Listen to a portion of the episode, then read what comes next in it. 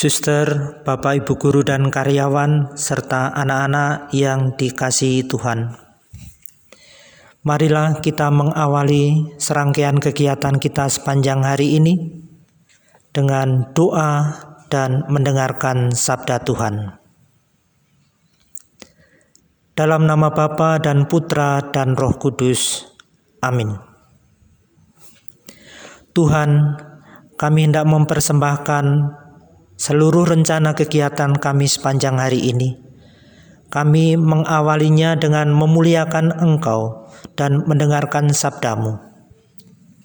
Semoga dengan sabdamu memberikan kekuatan bagi kami untuk menyelesaikan setiap tugas tanggung jawab kami sepanjang hari ini.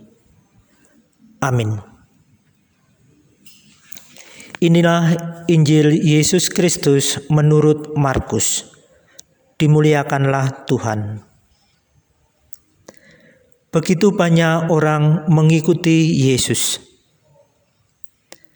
Ketika Yesus melihat jumlah orang yang begitu banyak, tergeraklah hatinya oleh belas kasihan kepada mereka, karena mereka seperti domba yang tidak mempunyai gembala. Lalu mulailah Yesus mengajar banyak hal kepada mereka. Ketika hari mulai malam, datanglah murid-murid Yesus kepadanya dan berkata, "Tempat ini sunyi dan hari sudah mulai malam. Suruhlah mereka pergi supaya mereka dapat membeli makanan di desa."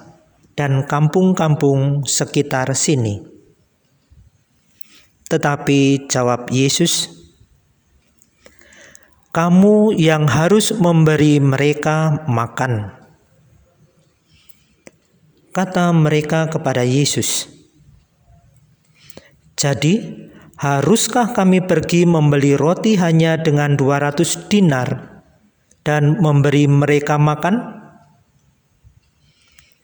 Tetapi Yesus berkata kepada mereka, "Berapa banyak roti yang ada padamu? Cobalah periksa." Sesudah memeriksanya, mereka berkata, "Lima roti dan dua ikan." Lalu Yesus menyuruh orang-orang itu supaya semuanya duduk berkelompok-kelompok di atas rumput hijau. Maka duduklah mereka berkelompok-kelompok, ada yang seratus, ada yang lima puluh orang. Setelah mengambil lima roti dan dua ikan itu, Yesus menengadah ke langit dan mengucap berkat lalu memecah-mecah roti itu dan memberikannya kepada para murid, supaya dibagi-bagikan kepada orang banyak itu.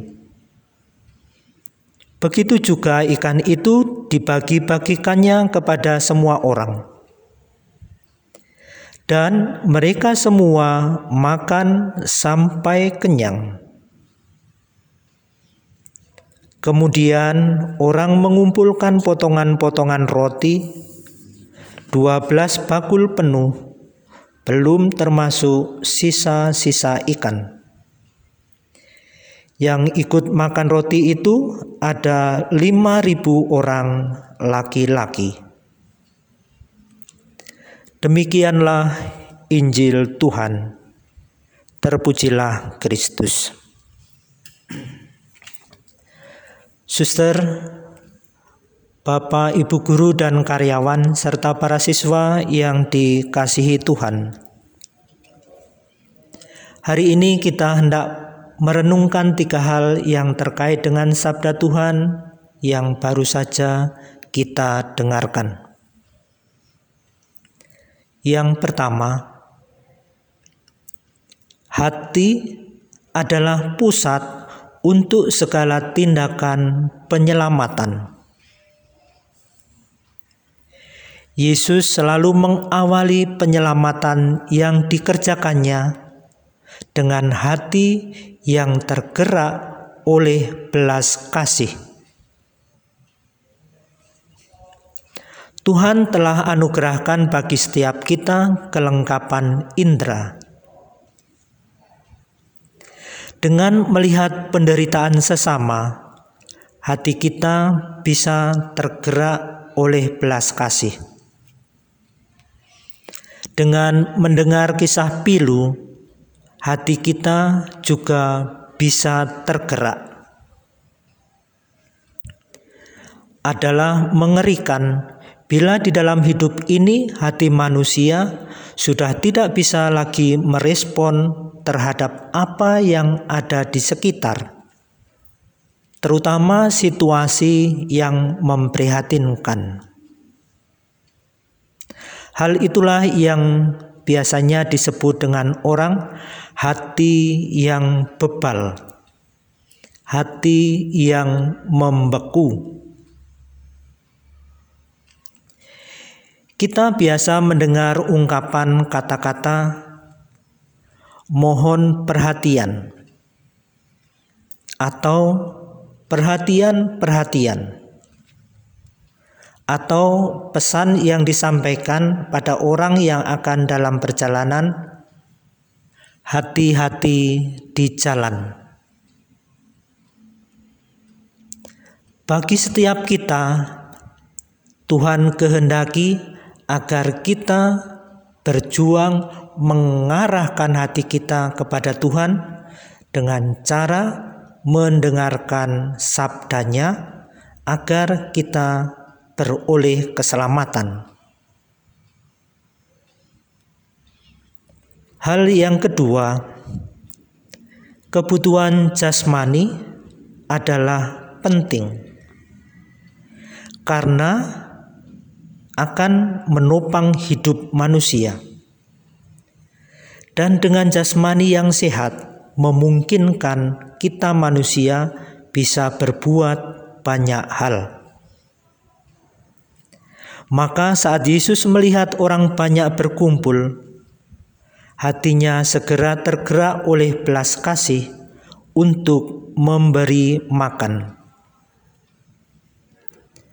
Manusia makan dan minum untuk menopang supaya bisa hidup dan tentu hidup yang sehat. Karena kalau kita sembrono, kita bisa keliru dan kita bisa melakukan makan dan minum tidak membuat hidup tetapi justru menghantar pada kematian. Makan itu bukan hanya untuk memuaskan nafsu lapar perut kita. Saat ini dunia sedang disadarkan dengan pandemi virus corona. Tentu menyadarkan bagi setiap kita bahwa pola hidup yang sehat itu sangat penting tidak cukup hanya makan dan minum, tetapi kesehatan jasmani kita menjadi bagian yang perlu mendapat perhatian.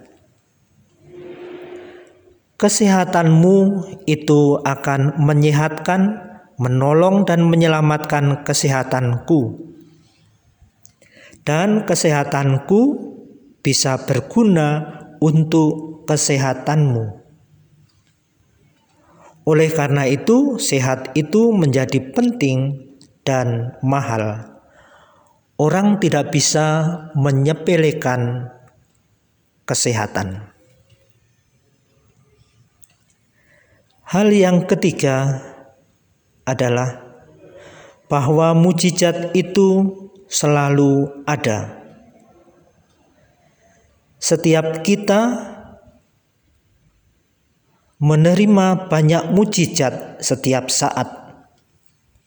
Tetapi mungkin kita tidak mengenalinya atau kita tidak menyadarinya. Contoh yang kecil, saat malam kita tertidur lelap, kita tidak tahu, kita tidak sadar, dan kita juga tidak mendengar apa pun.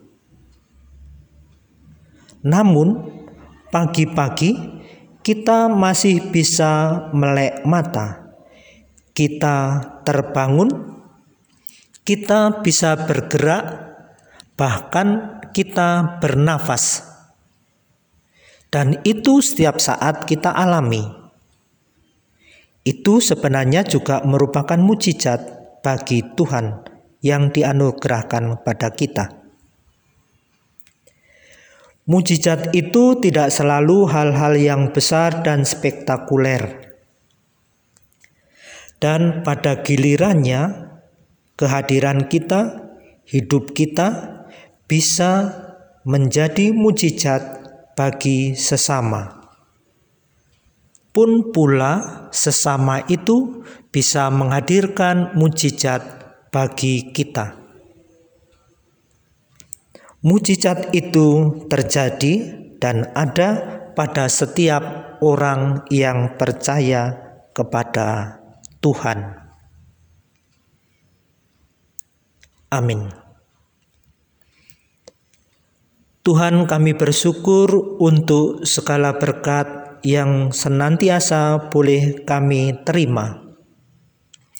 Semoga kami semakin mampu untuk membuka hati kami akan sabdamu dan mengarahkannya demi keselamatan yang kau tawarkan bagi kami.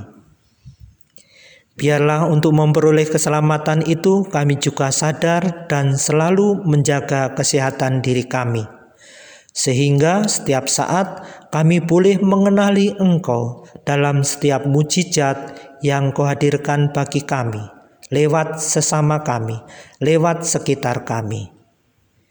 Ini semua kami mohonkan kepadamu, terpujilah Engkau Tuhan, kini dan sepanjang segala masa. Amin. Dalam nama Bapa dan Putra dan Roh Kudus. Amin.